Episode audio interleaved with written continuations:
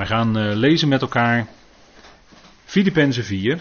En dat is vanaf vers 7, nee vers 8 gaan we met elkaar lezen. En dan een aantal versen van de concordante tekst zoals u die waarschijnlijk wel voor u heeft liggen. Voor het overige broeders, al wat waar is, al wat waardig, al wat rechtvaardig, al wat zuiver, al wat lieflijk, al wat welluidend is, als er enige deugd en als er enige lofprijs is, rekent daarmee wat jullie leerden en aannamen en hoorden en waarnamen in mij. Breng dat in praktijk en de God van de vrede zal met jullie zijn. En ik verheugde mij in grote mate in de Heer dat jullie uiteindelijk opbloeiden in jullie gezindheid jegens mij, waartoe jullie wel gezind waren, maar geen gelegenheid hadden. Niet dat ik spreek over gebrek, ik leerde immers tevreden te zijn in de omstandigheden waarin ik ben. Ik weet wat het is verootmoedigd te worden en ik weet wat het is om overvloed te hebben. In ieder aspect en in alle omstandigheden ben ik ingewijd, zowel in verzadigd zijn als in honger lijden, zowel in overvloed hebben als in gebrek lijden. In alles ben ik sterk in Hem die mij kracht geeft, Christus. Tot zover. En we kijken vanavond naar Filippenzen 4 en we gaan verder met vers 8. En we hebben de vorige keer wat stilgestaan bij dat punt van wat is nou waardig. En we hebben de vorige keer gekeken naar de tegenstelling met de facetten die zo in 2 Timotheus 3 klinken. Dat akelige rijtje weet u wel, maar dan de tegenstelling daarvan. En dat is heel positief, om het zo maar te zeggen. En dat is waardig. Dus wat is nou eerbaar, waardig gedrag? Nou, dat hebben we vorige keer die begrippen met elkaar langsgelopen. En ik denk dat dat uh, een uh, fijne punten zijn waaraan je dan kan toetsen wat nou eigenlijk waardig is. En al wat rechtvaardig is. En rechtvaardig wil zeggen, dat is vorige keer ook even naar voren gekomen. Rechtvaardig wil zeggen zorgen dat ieder het juiste toebedeeld krijgt. Dat is rechtvaardigheid vanuit de schrift. Rechtvaardig is niet zozeer dat ieder een gelijk deel krijgt. Want uh, die uh, bekende gelijkenis van de arbeiders in de wijngaard, die haalt daar een dikke streep doorheen. He, werkers van het elfde uur kregen ook nog één denari. En wij waren eigenlijk van het twaalfde uur. Wij hadden helemaal geen werken. Wij vallen dan ook buiten die gelijkenis. En wij hebben geen verdiensten, helemaal niets. Want wij ontvangen genade om niet. En dat is het geweldige. De genade is datgene wat ons vreugde geeft. En vanuit die vreugde, hè, we kunnen ons te allen tijden verheugen in de Heer. Dat is de bron van onze vreugde, hè, de Heer en zijn genade. En vanuit die genade kunnen wij leven en leven wij. En dan is er vreugde in je hart, vrede in je hart. En vanuit die vrede en die vreugde kun je ook zo leven zoals deze aspecten hier door Paulus genoemd worden. Het punt is dat wij zijn zo gewend om in onze vertaling te lezen, bedenk dat. Maar eigenlijk staat er in dit vers, rekent daarmee. En dat is wel wat anders.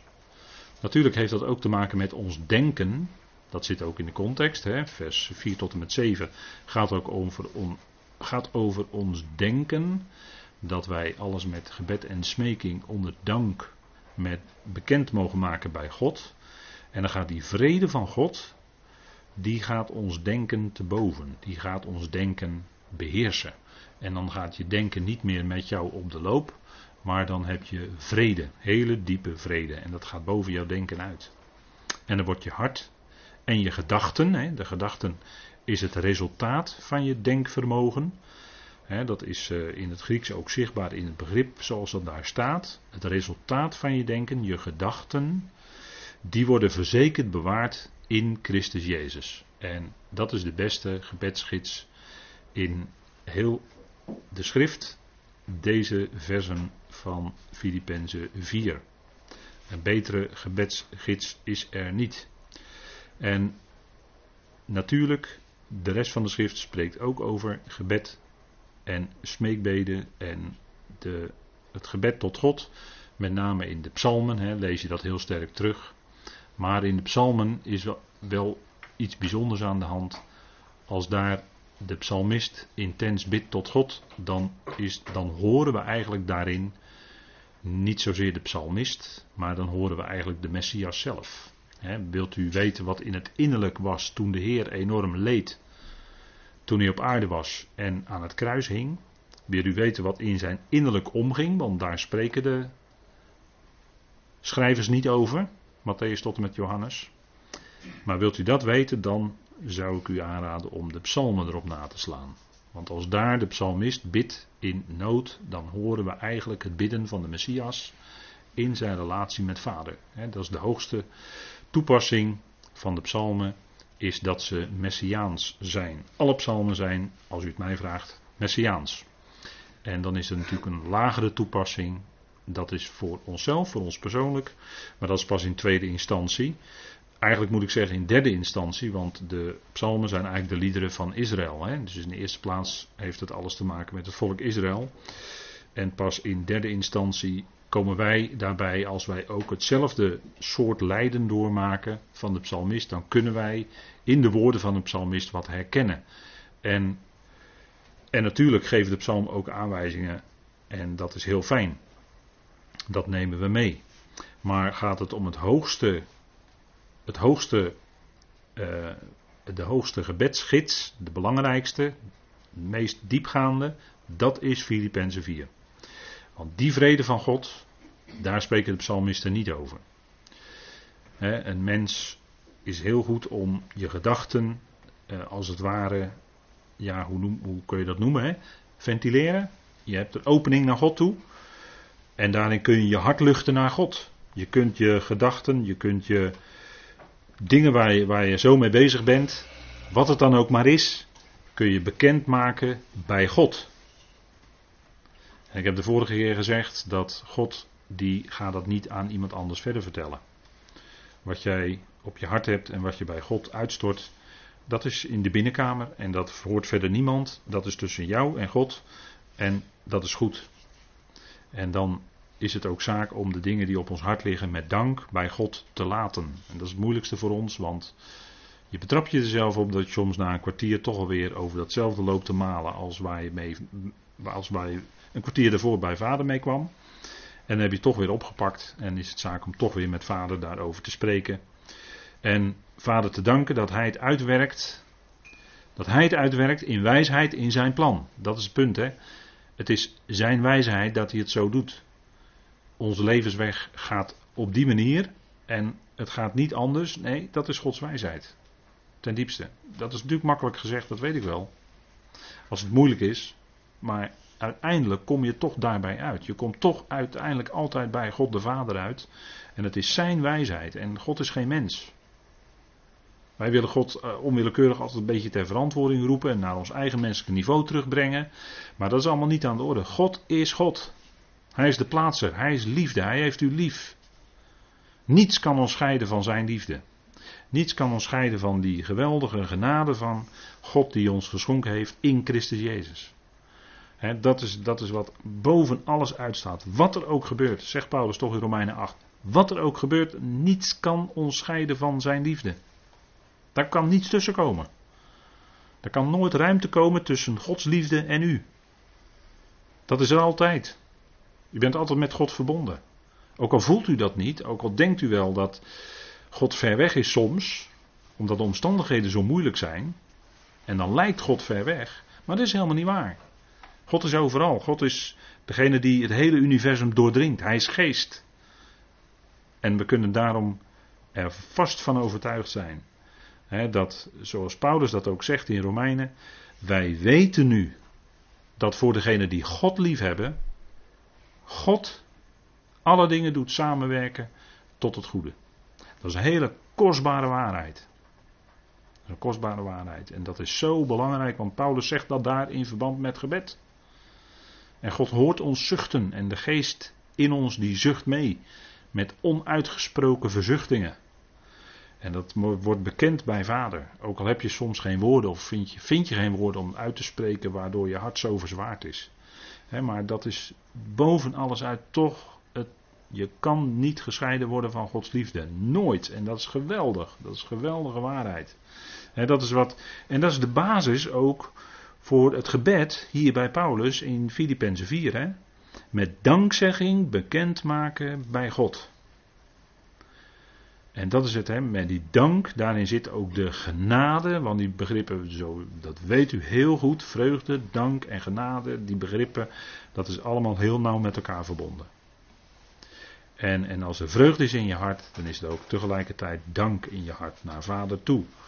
Hij zal onze gedachten, dat is een belofte, en dat doet hij ook, dat doet hij ook, verzekerd bewaren. Dat is dat beeld van die vesting, van de Burgt Antonia, dat, dat heb ik toen even genoemd, Burgt Antonia.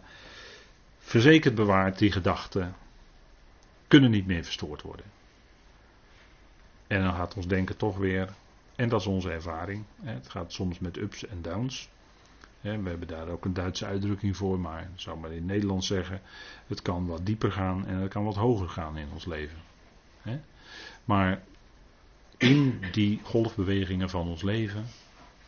Tijden dat het minder gaat, tijden dat het beter gaat. Paulus spreekt er ook over. Ik weet, ik weet wat verootmoedigd te worden is. En ik weet wat overvloed te hebben is. In ieder aspect en in alle omstandigheden ben ik ingewijd, hebben we gelezen. Zowel in verzadigd zijn als in hongerlijden. Zowel in overvloed als in gebrek lijden. Paulus had het allemaal meegemaakt. En hij legt die gebedsgids voor ons neer in Filippenzen 4. Hè? Heel erg belangrijk. En daarom kom ik er nog een keer op terug. Omdat het zo belangrijk is. Die vrede van God. En dan gaat vanavond ook richting de God van de vrede. In vers 9 hebben we met elkaar gelezen. Hè? De vrede van God. En in vers 9 de God van de vrede. Dus dat is, alles zit dan in die vrede hè, eigenlijk. Nou, we hebben vorige keer gekeken naar die tegenstelling. 2 Timotheus 3, vers 1 tot en met 5. Wat is nou eerbaar het tegenovergestelde van wat in 2 Timotheus 3 aan akeligheden genoemd wordt. En dat heeft alles te maken, die tegenstelling. De ene kant, hè, um, de ene kant dat mensen zijn uh, zelfzuchtig, geldzuchtig, uh, kwaadwillend, uh, genot enzovoort, hè, in plaats van God, dat soort dingen allemaal. Dat heeft allemaal te maken met de tegenstelling die de gelovige kent. De gelovige kent die tegenstelling in zijn, in zijn en haar leven. Geest en vlees. En hebben we het hier over vlees, nou dan zegt de schrift daar wel iets over, Romeinen bijvoorbeeld. Het goede maakt geen woning in het vlees. Het goede kan geen woning maken in het vlees. Het vlees assisteert het goede niet bepaald. En met vlees bedoelen we dan de van God afgekeerde kant van de mens. Of met vlees kun je ook een ander woord invullen, eigen leven. Eigen leven, vlees. Je eigen leven leven, dat is vlees. En dat doen mensen. Ik heb de vorige keer zoiets gezegd van, eh, dacht ik van, eh, of bij misschien een andere studie was dat, van uh, we, we, we, maken hier in, in Nederland ons eigen paradijs wel. Het is hier een paradijs, dat zeggen ongelovigen ook. Het is hier een paradijs, paradijselijke toestand. We hebben alles zo'n beetje wel geregeld. De wegen worden steeds beter, de voorzieningen worden steeds beter, enzovoort, enzovoort. We maken ons eigen paradijs en we hebben het allemaal prima naar ons zin, zonder God. We genieten hier bij de, tegen de klippen op in Nederland zonder God. We hebben prima zin, allemaal. En dat is eigen leven leven. want ja, de, de, de mensen, dus kijk je in de filosofie, de mensen hebben God, God buiten hun schepping willen schrijven. evolutie, dat is God willen weren. God uit het leven, God moet ook uit de publieke ruimte, moet niet genoemd worden. En je moet het niet wagen om de naam Jezus eerbiedig in de publieke ruimte te, zetten, te zeggen. Want daar word, word je al op afgerekend. Dat is Nederland vandaar anno, eh, anno 2019. dat is allemaal aan de hand. Maar al dat van wat met God en met zijn zoon te maken heeft, moet allemaal geweerd worden. Daar mag niet over gesproken. Dat is de, dat is de geest van de tijd. Hè? Dat is de New Age geest die rondwaart. En dan mag je dus niet meer specifiek zeggen, kijk dat vanuit de schrift, vanuit de Bijbel, dat Jezus Christus de waarheid is, dat de Bijbel de waarheid is, dat mag je allemaal niet meer zeggen. Dat mag je al jarenlang niet meer zeggen natuurlijk. Dat, uh, hè, dat, moet allemaal, nee, het moet allemaal zonder God. Hè? We hebben God als het ware buiten de deur gezet als, als, uh, als mensheid zijnde. Hè? Als, uh, vanuit filosofie en wetenschap enzovoort. Nou, moet je kijken waar het toe leidt de vorige eeuw. We kijken wat voor oorlogen er zijn eh, geweest. En hoeveel doden dat teweeg heeft gebracht. Het aantal doden onder het communisme. Ik heb het, eh, dan heb ik het nog niet eens over de Tweede Wereldoorlog. Maar alleen al het communisme. Hoeveel doden heeft dat teweeggebracht? De filosofie van het communisme. Atheïstisch communisme, dus zonder God. Dan moet je kijken waar je dan uitkomt. Dan krijg je de cultuur van de dood. En dat is precies wat ook in ons land aan de hand is. Denkt u van abortus, euthanasie, voltooid leven allemaal. is allemaal gericht op dood. Niet op leven, maar op dood. Dat is gewoon allemaal aan de hand. En dan kun je zeggen, ja, dat is allemaal erg somber hoor, wat je nu zegt. Nee, maar dat is wel realiteit. En dat heeft allemaal te maken met vlees. De gezindheid van het vlees is vijandschap namelijk tegen God. Hè? Dat zegt de Romeinen. Zij die in het vlees zijn, kunnen God niet behagen. Dus zij die in het vlees zijn dus en naar het vlees leven, kunnen God niet behagen. Het vlees is niet nuttig. de Heer Jezus zei: De woorden die ik tot jullie spreek, die zijn geest en leven. En daarom is het zo goed om dat woord te horen. De woorden van God. En het vlees doet geen nut. De gezindheid van het vlees is vijandschap tegen God. Nou, dat is, uh, dat is wat je krijgt. En dan krijg je ook, zoals Paulus zegt in 2 Timotheus 3, die eerste verse, de situatie van de mensen, zoals de mensen zullen zijn in de laatste dagen.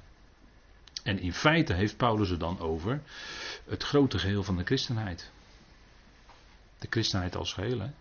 Want dan zeg je ja, zoals dat rijtje Paulus, dat zijn allemaal ongelovige mensen. Ja, nee, maar het blijkt dus dat mensen binnen de christenheid ook een flinke klap van de molenwie krijgen. En dus ook meegaan in vlees, vleeselijke gezindheid. En het andere is, dat is waar natuurlijk in Filippenzen erover gaat. Hè, als we al wat waar is, al wat waardig is, al wat rechtvaardig is, al wat zuiver, lieflijk, welluidend is. Ja, dat heeft te maken met de geest. En dat heeft te maken met gezindheid. En welke gezindheid? Het vlees is niet in staat om God te behagen. Maar hoe zit het dan met die geest? Want we hebben eigenlijk Ehm, een overmaat aan geest ontvangen, zou je kunnen zeggen. Hè? Kijk, die geest van God, die maakt woning in ons. Die geest van God maakt woning in ons. Dat is geweldig natuurlijk. De geest van Christus, nou die heb je, hè? daardoor zijn we levend gemaakt. Daardoor is, daardoor is onze geest tot leven gewekt. Hè? En je kunt ook zeggen, Paulus zegt er dan iets pregnanter nog, Christus is in je. Romeinen 8 vers 9. Hè? Natuurlijk hele bekende vers uit de Romeinenbrief. En de geest is leven vanwege de rechtvaardigheid. We zijn gerechtvaardigd. Tuurlijk gerechtvaardigd om niet gerechtvaardigd in zijn genade. Niets van onszelf daarbij, maar de geest is tot leven gekomen vanwege de rechtvaardigheid. Dat betekent, ik heb het even met een eh, moderne, dat kwam ik tegen, een modern dingetje. Geest aan, vlees uit. zoals je met je smartphone dingen aan en uit kan zetten. Nou, als die aanstaat, als die aanstaat, dan is die groen hè, op je smartphone. Nou, geest aan. Dus die geest van God, die werkt in ons. Hè. Die is uh, zeg maar aangezet door God. En die werkt in ons. En die gaat krachtiger werken als we bezig zijn met dat woord van God. Als we dat in ons laten komen, die woorden. En God daarom bidden dat dat praktijk wordt in ons leven. want daar heeft Paulus hierover hebben gelezen. Hè. Um, vers 9. Breng dat in praktijk. hey, breng dat in praktijk. Dat is dus praktisch. Dat is uh, praktiseren. Daadwerkelijk in je leven. Dat het ook tot uitdrukking komt. Hè, die woorden van God. Dat die ook tot uitdrukking komen in ons levenswandel. In ons leven. Daar gaat het om. Breng dat in praktijk. En ik heb u dan op deze dia even gezet, die overmaat aan geest die we hebben ontvangen. En die geest van God maakt woning in ons. En dat is de bedoeling, dus dat die woning, ons binnenste, die woning, dat die helemaal vol is van die geest. En dat daardoor die geest, die kwaliteiten van de geest, de vrucht van de geest. Het is voorjaar, er komen bloesems en dan verheugen ons op. Er komen straks wel bloesems, er komen allemaal appels en peren. En verheugen we ons op, hè? Ja, september, oktober, lekker plukken. Ja, dan verheugen we ons erop. Maar kijk, dat is het wat die geest in ons doet, hè? Dat gaat bloeien in ons leven. En dat gaat vrucht voortbrengen. Maar er gaat tijd overheen. Net zoals in de natuur zeker een half jaar eroverheen gaat voordat de vrucht er echt is. Zo is het ook in ons leven zo. Die geest werkt in ons en die gaat vrucht voortbrengen. En die vrucht van de geest, u weet dat wel, die negen verzet hebben we met gelaten brief besproken. Dat is natuurlijk geweldig. Hè? Liefde, vrede, vreugde. Al die geweldige dingen. Trouw, geloof, zachtmoedigheid, geduld. Hè, al die facetten. Hè, inhouding. En de, de NBG-vertaling zegt dan zelfbeheersing, maar er zit nog het woordje zelf in. Hè? Nee, inhouding, dat is door de geest. Dat kun je ook niet uit jezelf.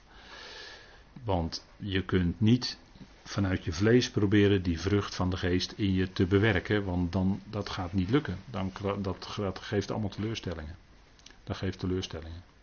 En als je heel hard gaat proberen te werken om die vruchten in je leven te krijgen, ja, dat gaat niet lukken. Zo gaat het in de natuur ook niet.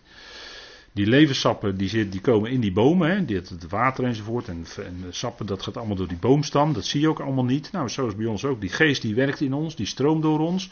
Dat zie je allemaal niet aan de buitenkant. Maar die vruchten die komen, hè, die vrucht dat komt langzaam maar zeker naar voren.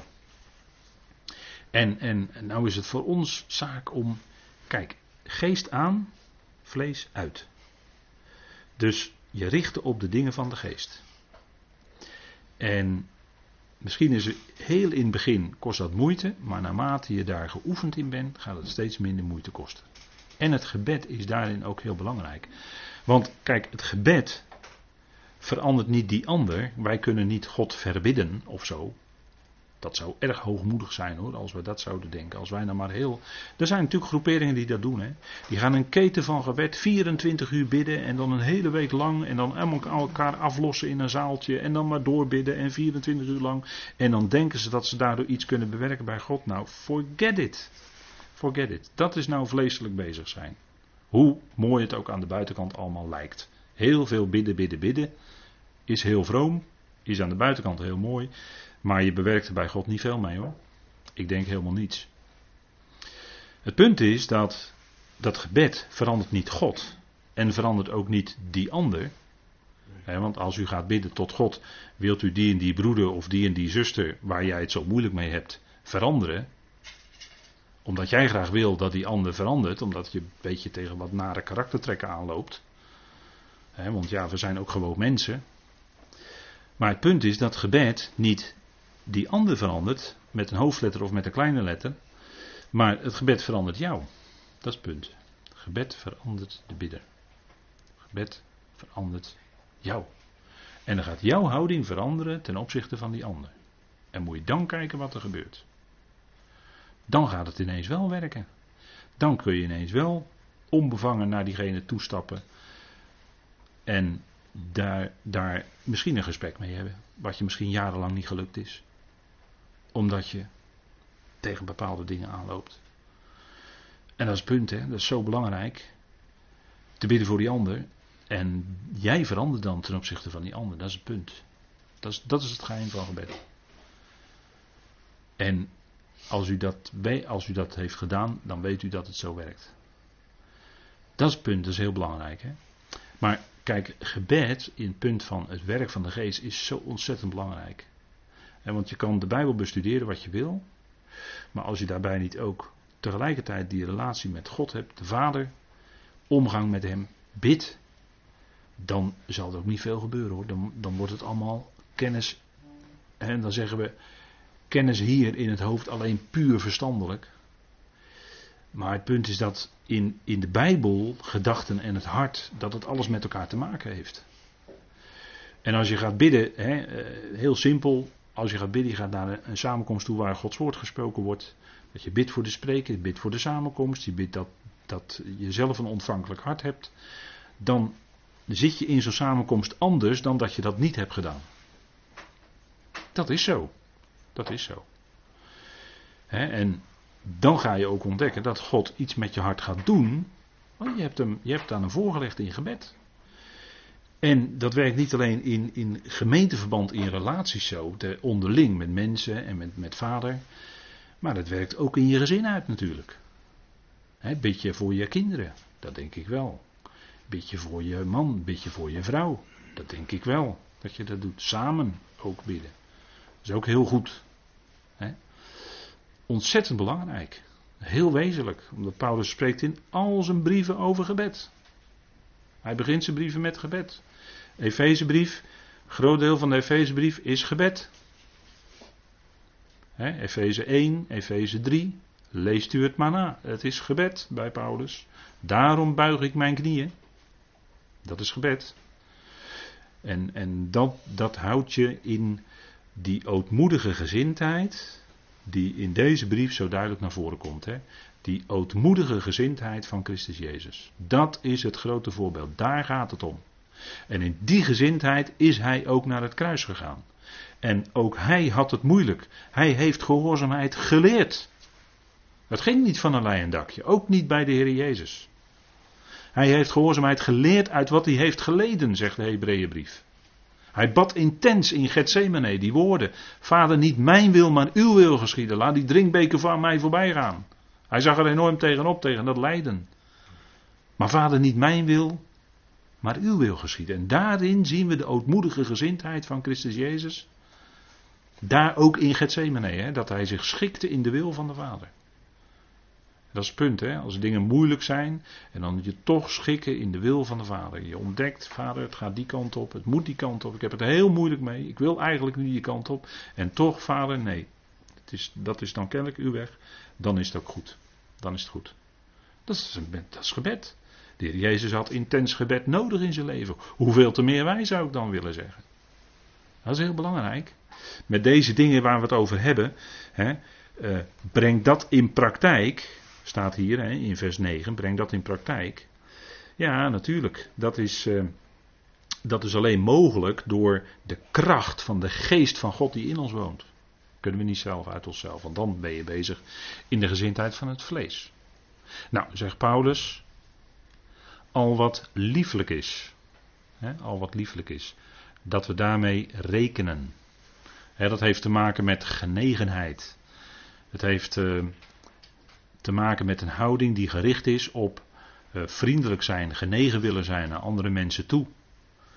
Dat heeft, uh, en, dat, dat komt, en dat komt vanuit de genade. Dat kan alleen maar, dat kun je alleen maar naar alle mensen toe zijn als die genade in je hart jouw hart ruimer heeft gemaakt. Want die genade is dan ook gericht op die ander, die ander die nog niet verzoend is met God, althans nog niet weet heeft van de verzoening die God tot stand heeft gebracht. En die ander, die kun je dan tegemoet treden als iemand waar God van houdt, dat weet je. En dat maakt jouw hart ruimer naar die ander toe. Dat doet de genade dat zei Paulus tegen de Corinthiërs, jullie hart zou ruimer worden.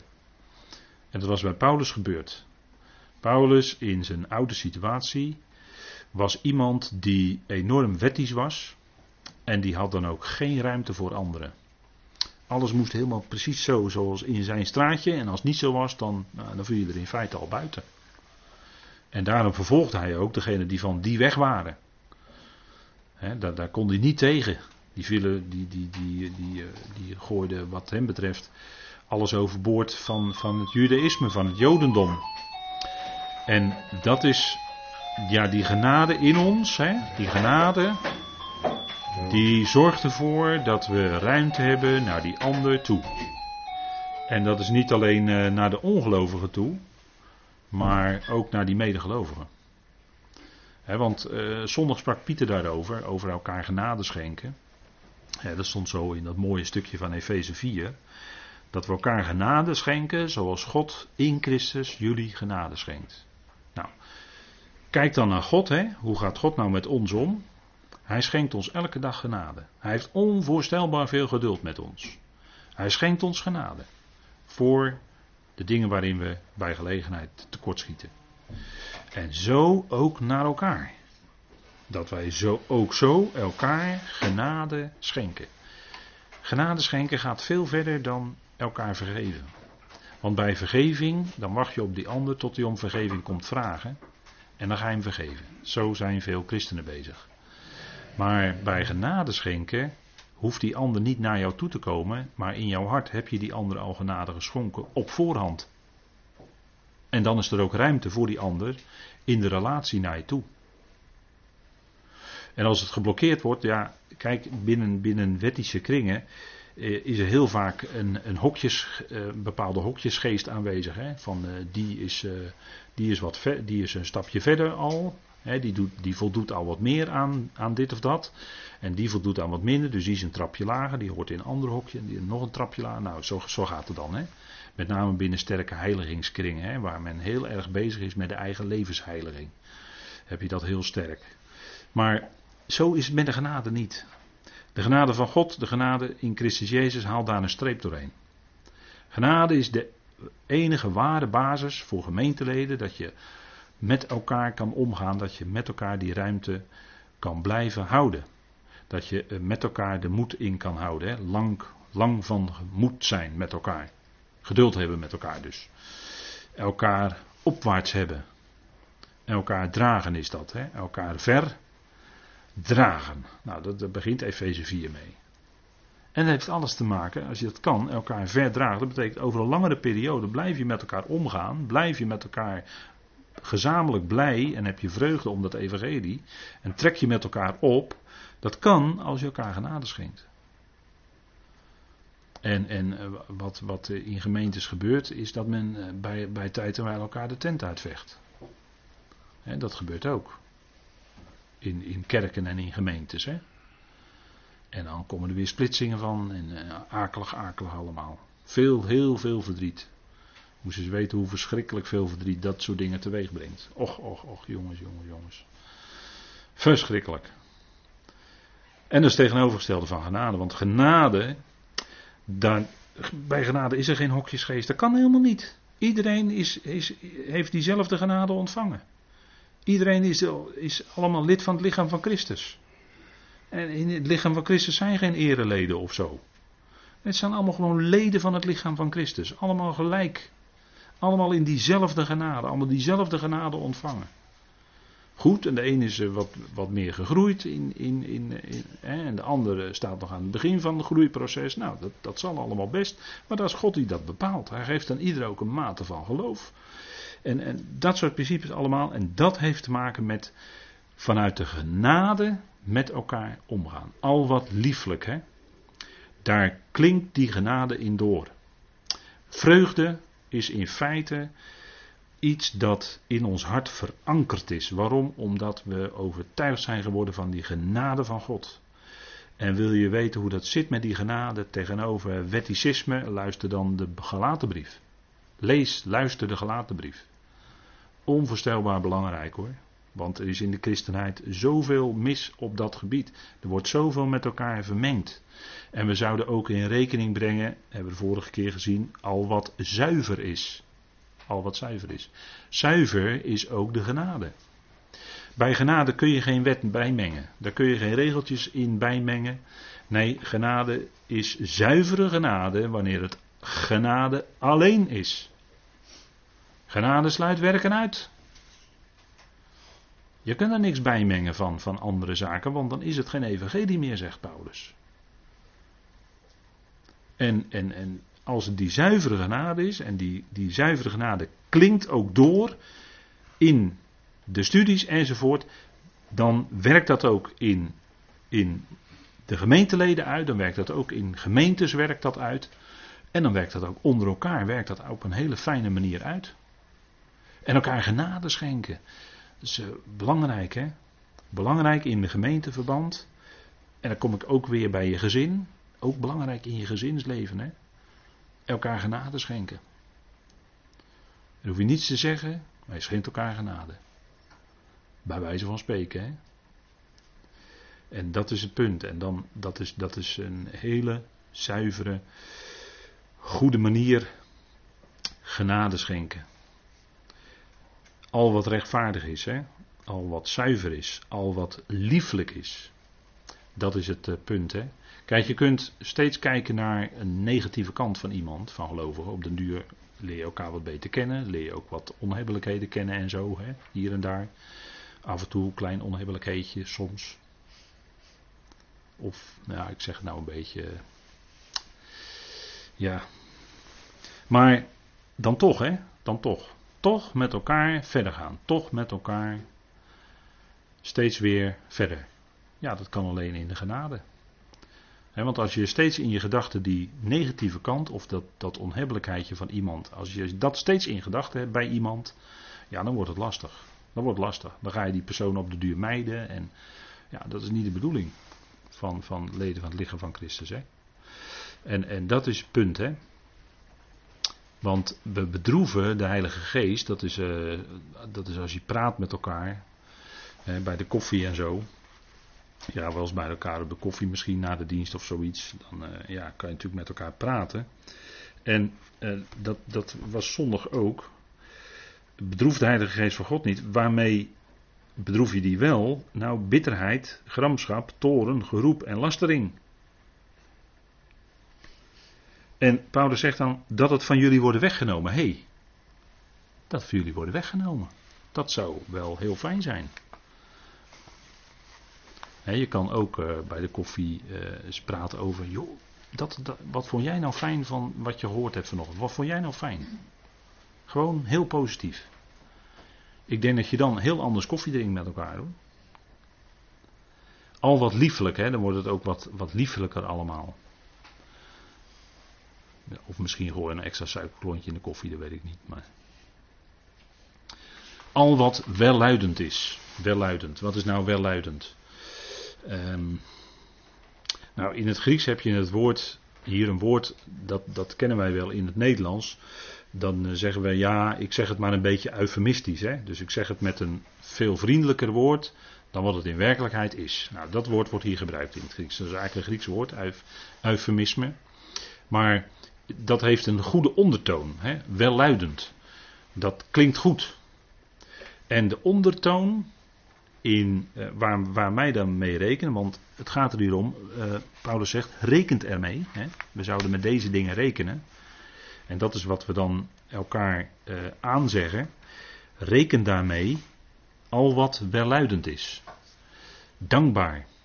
De ondertoon van alles onder ons als gelovigen zou zijn verzoening. Nou, grote woorden hoor. Verzoening, genade, liefde van God. Dat zou eigenlijk de ondertoon zijn van ons bezig zijn, van ons spreken met elkaar, omgaan met elkaar. En dan zegt u, ja, dat is allemaal prachtig mooi hoor, die woorden. Maar in de praktijk gaat het wel eens anders hoor. Ja, maar dit is toch wat Paulus ons voorhoudt. En, en we willen toch uh, ja, wat dingetjes zo met elkaar eens doornemen. En eens kijken van joh, hoe, hoe zegt Paulus dat nou? Hè? Hoe, hoe kijkt Paulus nou aan als het gaat over onze praktijk als gelovigen? En waarin was hij nou zelf een voorbeeld? Paulus zei ook van ja, toen ik eh, mezelf moest verdedigen, toen was er niemand bij mij. En dan zegt hij er gelijk bij, het worden hun niet aangerekend. Want dat was eigenlijk een beetje, toch een beetje vorm van kwaad. Want eigenlijk hadden broeders hem bij moeten staan hè, toen hij zich moest verantwoorden. Dat zou wel heel fijn geweest zijn als broeders hem bij hadden gestaan. Maar het was niet zo, hij was alleen. En natuurlijk de Heer, dan kun je zeggen, ja, de Heer was bij hem. Ja, ja, zeker. En dan zegt Paulus toch, het worden hun niet aangerekend. En dat is dezelfde geest als die je hoort toen de Heer Jezus aan het kruis hing en hij bad voor zijn vijanden, Vader vergeef het hun, want ze weten niet wat ze doen. En dan hang je aan het kruis, hè? En dan word je gehoond en bespot. Dan is er een en al vijandschap om je heen. En dan dit bidden. Kijk, dat is, dat is, een, dat is die geest die je dan ook bij Paulus terug hoort dat degene die hem kwaad hadden aangedaan, dat hij dan eigenlijk bidt tot God, het worden hun niet aangerekend. Hij wilde niet eens het kwaad aanrekenen. Het was wel kwaad, maar hij wilde het niet aanrekenen. En dat is, die, dat is die gezindheid van de geest. Dat is die verzoenende liefde die dan doorklinkt zo in die apostel. Hè? En dat is ons voorbeeld. Paulus is ons voorbeeld. We zouden Paulus navolgen. En, en, en dan zo op die manier, hè, die ander, met het besef, vader, u werkt het uit. U werkt het uit. En zouden we dan doen wat voor de mensen afstotend is? Nee, natuurlijk niet. Het gaat om al wat welluidend is. Als je, we zouden het goede doen aan allen en in bijzonder aan de huisgenoten van het geloof. Dus daar waar het op je gelegenheid, waar de gelegenheid zich voordoet, wat op je weg komt, kun je goed doen. Ja, eigenlijk aan iedereen, want je weet dat God van iedereen houdt, wie het ook is. Maar als iemand bij jou aanklopt, laat het dan niet te vergeef zijn. Je gaat dan niet een steen voor een brood geven. Maar als iemand honger heeft, dan geef je hem brood. Wie het, eh, als, stel dat het nou eens voorkomt. En natuurlijk zegt u ja, bedelaars enzovoort op straat. Ja, ik, ik kan er bijna niet voorbij lopen. Ik wil altijd wat geven. En dan weet je wel dat, ja, dat, dat er allerlei dingen aan de hand zijn. Dat zal wel. Maar dan zie je toch zo'n zo'n mens, zo'n mens helemaal in de kreukels, helemaal in de nood. Vreselijk. En dat is dan. En, en ook als ongelovige, als iemand het overkomt dat hij een overtreding begaat, zegt Paulus. Hebben we behandeld met gelaten 6, hè? gelaten 6 vers 1. Laten wij dan die geestelijk zijn, zegt Paulus, de broeders. Laten wij dan die geestelijk zijn, zo iemand weer terecht helpen, helpen in een geest van zachtmoedigheid. Want het is diegene overkomen, maar het kan jou ook overkomen. Dus daarom in een geest van zachtmoedigheid zouden we de ander helpen. En niet de ander verstoten. Dat is al te veel gebeurd. In, ook in, christelijk, in christendom, in christelijke groeperingen, dat mensen verstoten worden. Ik denk niet dat dat, dat overeenstemt met verzoening hoor. Kijk, Paulus die zegt, als er enige deugd is en als er enige lofprijs is, rekent ermee. Nou, deugd, dat woord voor deugd, uh, dat had ook in de Griekse wereld destijds had het uh, te maken met alles wat heel hoogstaand was. Hè? Ook vooral moreel heel hoogstaand. Dat had te maken met deugd. Deugd is misschien voor ons een beetje, bijna een beetje archaïsch woord geworden. Maar uh, deugd is, kijk, men zegt ook wel eens, uh, echte beschaving, dat bedoel ik echte beschaving, zit van binnen. Beschaving is niet aan de buitenkant hoor, dat je uh, precies, uh, precies goed genoeg netjes gedraagt. Dat kan allemaal buitenkant zijn, dat kan allemaal een vernisje zijn, een bekende vernisje.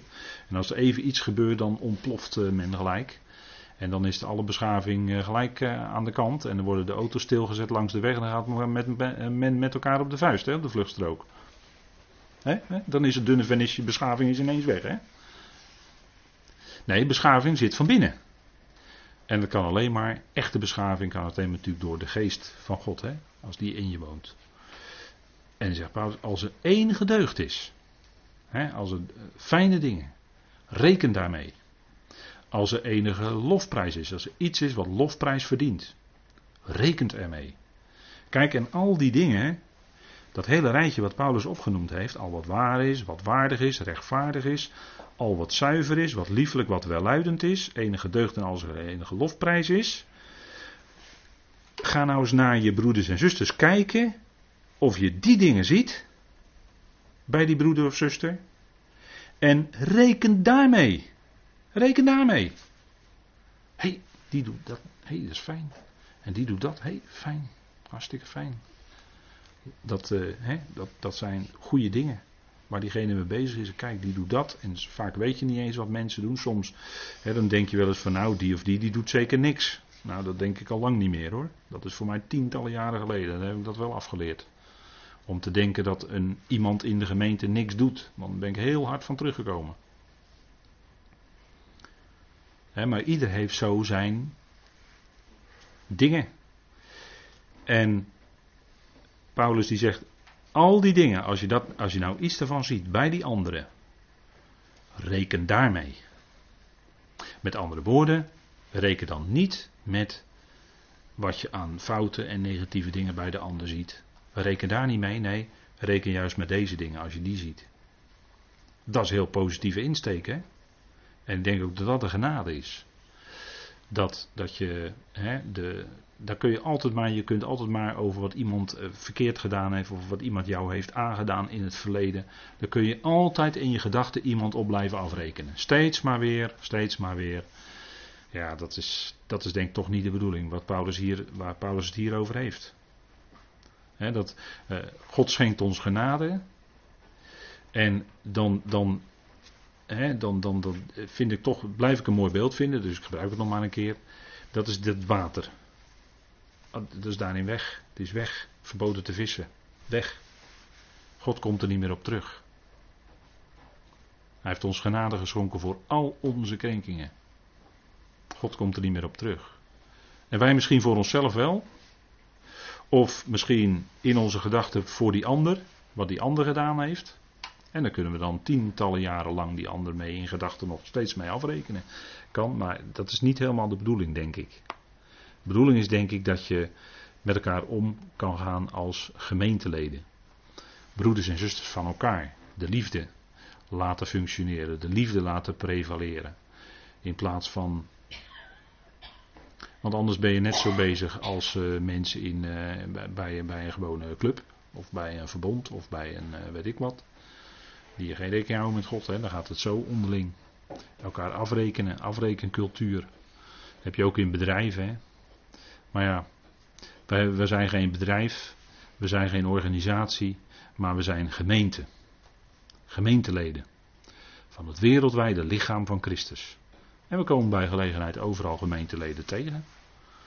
dat kan in Nieuw-Zeeland zijn, of in Australië, of in Canada, of Amerika, of uh, waar dan ook. Maar je komt overal gemeenteleden tegen. Nou, dat is het wereldwijde lichaam van Christus. En als je die tegenkomt, dan, dan is ook die gezindheid, die geest, dat merk je, is aanwezig. Gerichtheid op het woord enzovoort. Hè. Dat, is, dat is dan allemaal aanwezig. En daar, heb je dan, daar, daar, daar deel je mee, daar, dat is gemeenschappelijk. En, en dan, is er ook dan functioneert ook die genade onderling. dat, is, dat is gewoon heel fijn. Nou, als er enige deugd is, en dat geldt ook natuurlijk naar je kinderen toe. Natuurlijk maken je kinderen fouten, maar ga je kinderen ook eh, fijn, positieve juist aanmoedigen. Ja, en negatieve ja goed. Daar kan je misschien op een hele mooie, positieve manier een goede draai aan geven. Hè? Een positieve wending. Maar als je kind steeds maar gaat zeggen van uh, het kind doet 99 dingen goed en dan heeft het één ding fout gedaan en dan ga je uitgebreid aan het kind, aan jouw kind vertellen wat hij fout heeft gedaan. Ik denk dat je beter kan vertellen wat die 99 dingen die goed zijn gedaan. Ik denk dat dat wat beter werkt ook voor het kind. Want anders wordt het kind heel erg onzeker, denk ik. Want die wil dan perfectionistisch, die wil dan honderd dingen helemaal goed doen. Want ja, die weet van als ik maar één dingetje fout doe, krijg ik gelijk weer uh, de flink van langs. Omdat ik één klein dingetje fout heb gedaan. Dat, maar dat is ook een beetje die genade dan in je opvoeding laten doorwerken. Ik geef maar een voorbeeldje. Want ja, er zijn zoveel boeken geschreven over opvoeding. Dus die, uh, daar liggen boekentafels en daar liggen bibliotheken vol mee. Dus je kunt u zelf allemaal opzoeken en nalezen. Maar misschien een beetje genade ook door je opvoeding heen mengen. Ik denk dat dat wel werkt bij kinderen. Nou, Paulus zegt, wat jullie leerden en aannamen, wat jullie leerden en aannamen, daar heeft hij het voor. Hè?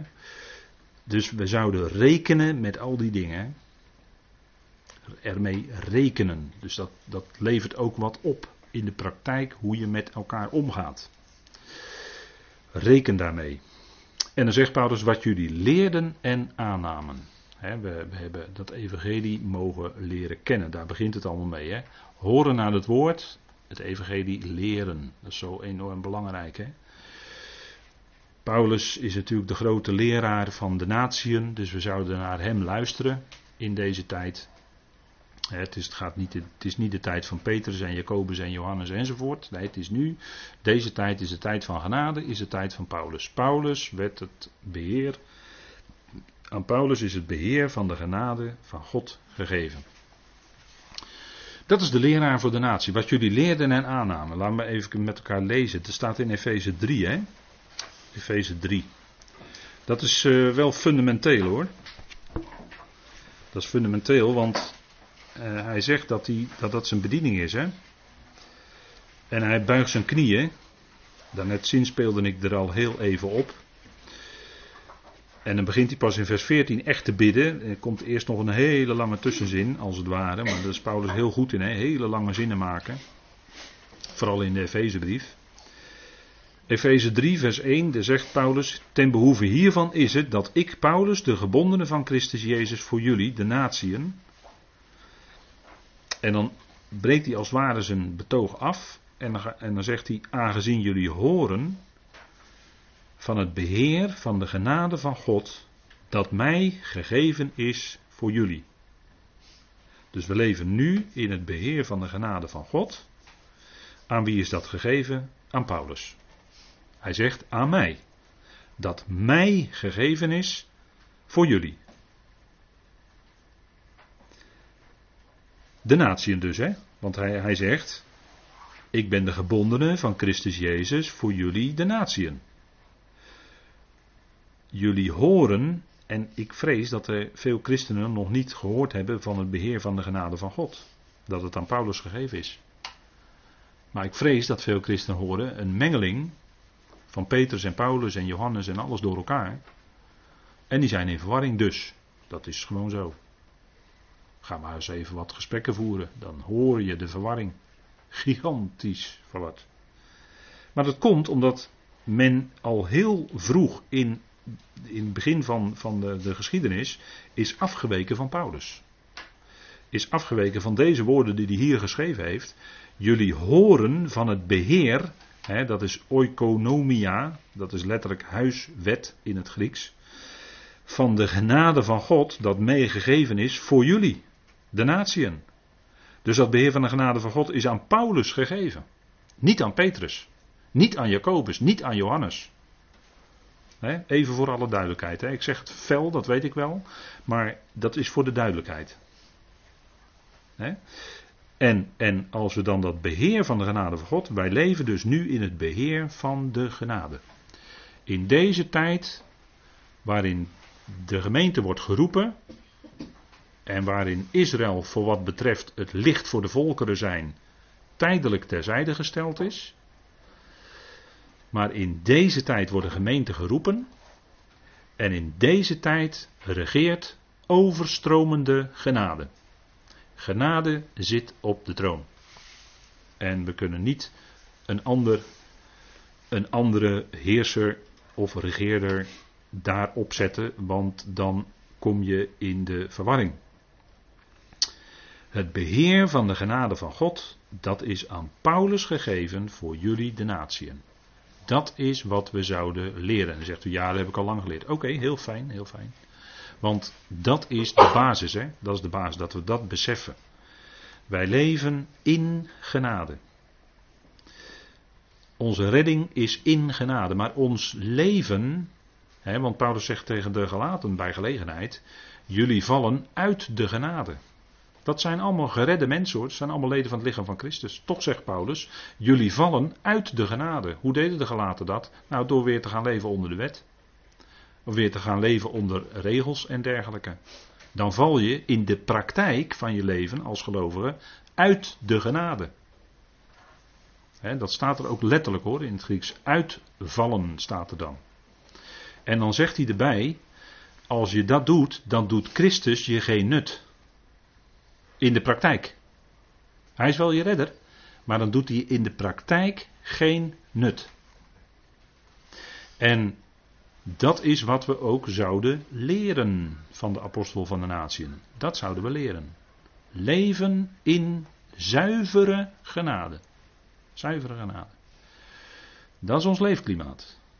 Zodra je gaat proberen aan regels te voldoen, of toch de wet van Mozes weer erbij te betrekken enzovoort. Dat je daaronder moet gaan leven, dat je moet gaan houden aan de voedselvoorschriften, dat je geen eh, vlees mag eten met bloed erin en dat soort zaken, dat het koosje moet zijn, dan val je uit de genade in de praktijk.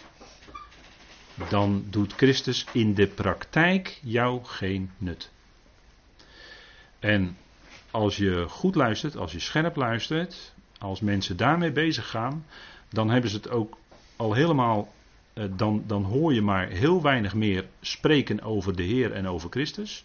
Maar dan gaat het allemaal over wat die doet en die doet en die doet en die doet niet goed. En die is nog niet volledig kosher en die doet nog volledig niet aan alle voorschriften mee. En die, daar gaat het dan allemaal over. En ze hebben het niet meer over de Heer, over Christus, dat die degene is die het hoofd van het lichaam is. En dat die degene is die kracht geeft en de genade geeft en zijn leven in ons uitleeft. Dat hoor je dan niet meer. Direct, dat hoor je direct in de gesprekken terug. Onmiddellijk. En dat is een signaal dat men dan bezig is in de praktijk uit de genade te vallen. En dat zijn, Paulus zegt in 1 Timotheus 1, hè, dat zijn leraars die nu zo stellig de wet willen prediken, dat zijn dwaalleraars. Dat zijn het. Zegt Paulus in 1 Timotheus 1, En dan zegt Paulus zelfs dat zij die zo stellig spreken over de wet, zij niet eens weten waarover zij het hebben. En Paulus wist wel heel goed waar hij het over had hoor, want die kenden het verschil tot en met hoor. Och, och, och. Die had tot en met geleefd in wetticisme, in fariseïsme en noem alles maar op. En die was in de genade gekomen, die was in de vrijheid gekomen. Maar laat die vrijheid in Christus niet van je afnemen. Dat is de belangrijke toon, de zeer, zeer ernstige toon van de gelatenbrief. Daarin is die heel erg fel. Omdat het gaat daar om het fundament van zijn evangelie. Het gaat daar om de genade en dan de genade in de praktijk. dat is heel erg belangrijk. We hebben de waarheid leren kennen. De waarheid van de genade. dat zegt Paulus aan de Colossensen. Laten we even met elkaar lezen. Wat is, de, wat is de waarheid voor vandaag? De genade van God. Dat is het evangelie voor vandaag. Dat zou klinken. Verzoening en genade zoals Paulus dat brengt. Ja, maar de andere apostelen spreken ook over genade, maar niet zoals Paulus over de genade spreekt. Paulus is de enige die er zo over spreekt als overstromende genade, de rijkdom van zijn genade. Enzovoort, enzovoort. Andere apostelen komen daar bij lange na niet aan toe. Die kunnen daar niet aan tippen.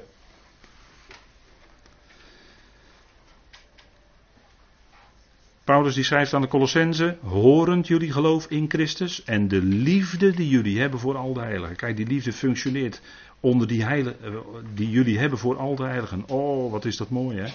Wat is dat mooi. Vanwege de verwachting die voor jullie gereserveerd in de hemelen.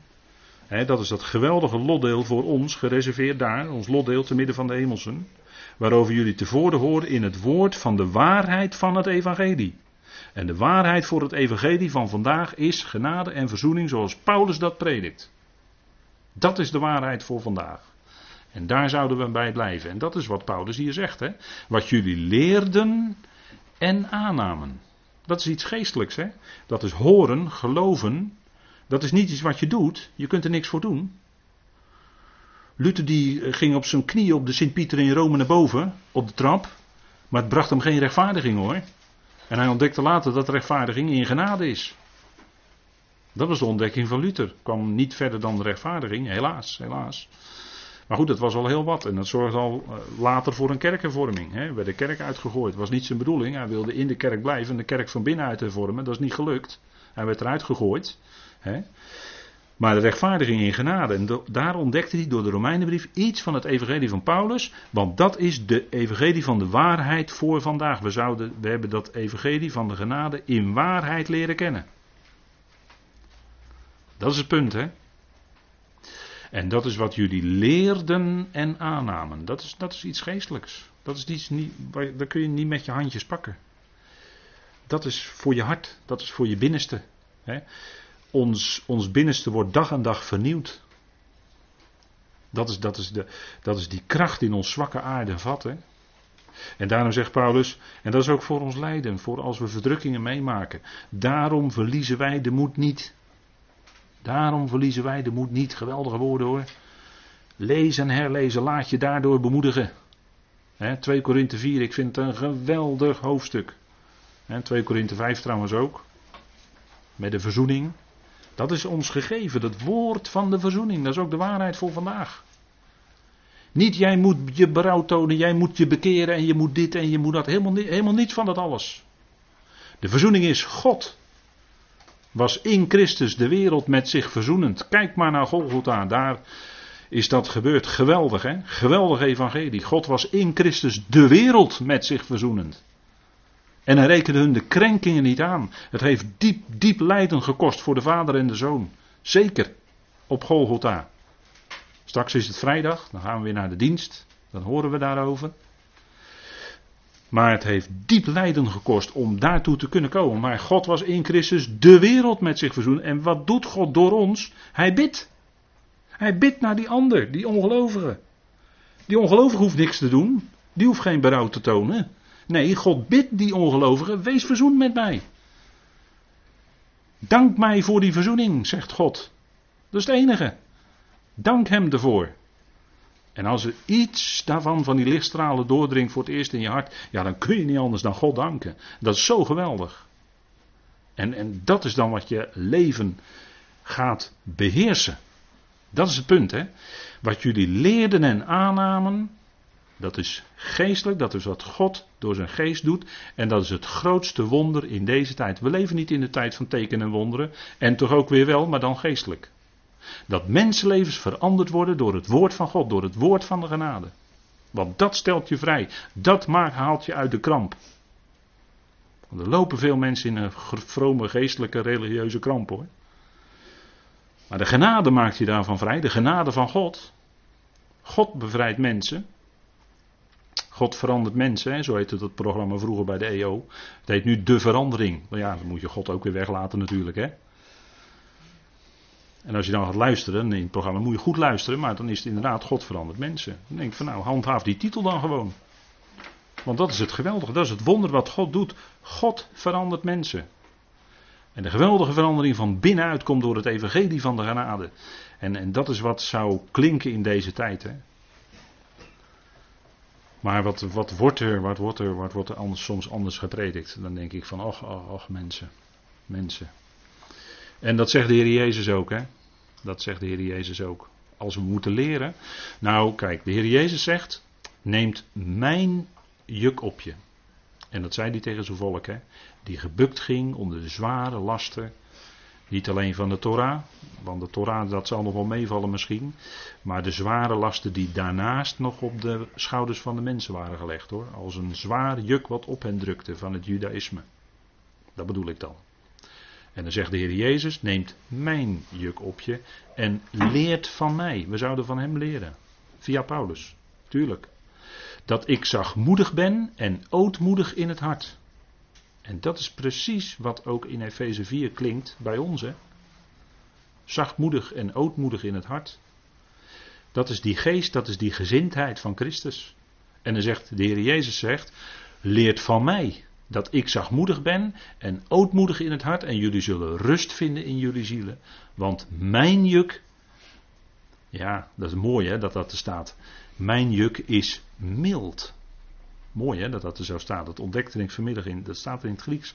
Mijn juk is mild. Mijn juk is mild, hé. Hey. Dat is dus niet die juk wat gaat schuren. Kijk, bij een ongelijk juk gaat het schuren. En ik had het net daarover, over ongelijk juk. Dat is als je en in de genade wil staan en tegelijkertijd onder de wet. Dat is ook een ongelijk juk. En dat gaat ook schuren hoor. Dan raak je je vreugde kwijt. Dan kom je in de krampen. Maar de Heer Jezus zegt, want mijn juk is mild en mijn last, want de fariseeën legden zware lasten op de schouders van de mensen. Dat ze moesten dit en ze moesten dat en ze moesten niet met ongewassen, niet, niet met ongewassen handen eten.